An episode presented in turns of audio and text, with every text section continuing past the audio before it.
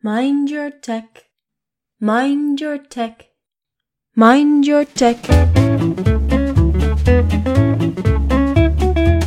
Listening to the Mind Your Tech podcast. I'm your host, Marike van Vliet, gadget and digital tools lover, but also struggling with all the distractions it brings. I'm investigating how our lives are influenced by new technologies. How do we use it so that it really supports us? And how do we influence the process of building the technologies of the future so that we as humans can flourish in everything that makes us human? In this episode, I want to tell you why I have a passion for humane and durable technology and why it is so important to me. My oldest son turned five a few weeks ago, and the cliche is really true. They grow up so fast. I didn't realize they are already so wise so soon, and that raising him and teaching him about the world around us is challenging and scary too sometimes.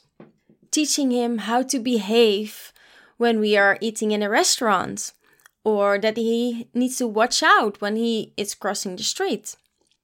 And for example, when he is playing outside and a stranger asks him if he wants to get ice cream with them, you don't just go with them.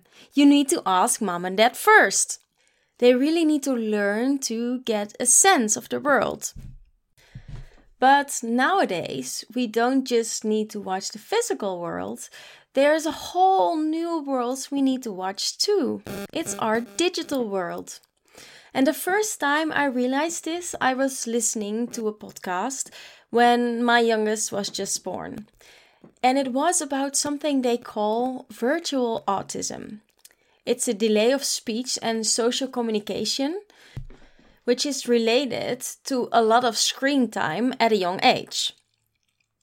The way we interact with technology can actually change the way our brain develops. So there I was, sitting on the bus, having my eureka moment for myself. And all of the people in the bus around me had no idea why I had such a big grin on my face. It was such a eureka moment for me because my career path wasn't really one by the book. After my studies, I did a PhD in neuroscience, so I studied the brain a lot. And then I switched to IT, first development, now analysis. And in the project I now work on, I actually have an influence on the next generation of software that is used in schools all around Europe. And technology is emerging so fast. We didn't really got the time to adjust to it. We don't know the benefits or the dangers yet, like the stranger asking to come for ice cream. And this really got me thinking how is the digital world impacting us? And I started reading and learning a lot about it Things like persuasive design and how technology is designed to keep us hooked all the time. And I experienced this myself too, because I love social media, for example, connecting to people with the same interests that I would never have met otherwise. But I also have a severe shiny new toy syndrome.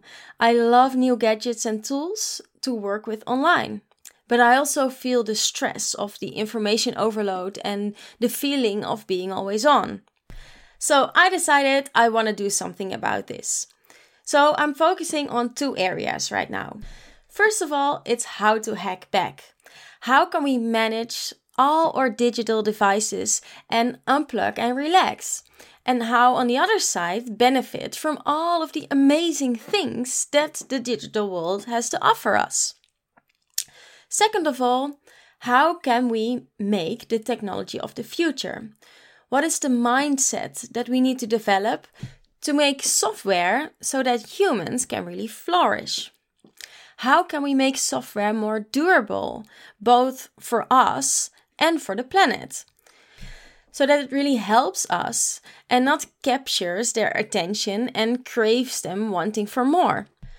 So, what started as a question about how I wanted to raise my kids in this world surrounded with technology has grown into a passion to use and make software that really helps us be more human. And I don't really know how to do it yet. The vision is still a little vague, but it has become much more clear over the past few months. What I do know is that I need to push myself a little to formulate that vision better get all those feelings into words and then combine it with science a little bit. And then be brave enough to tell my stories and become better at telling them. And this is also one of the reasons that I started this podcast. So if you're listening right now and you think this is so interesting, I want to know more about it, or I want to talk to you about it, please reach out to me. I would really love to hear from you. Thank you for listening. I hope to welcome you next time. Please subscribe to the podcast so that more listeners can discover it. And let us together make human and earth friendly technology. Mind your tech. Mind your tech. Mind your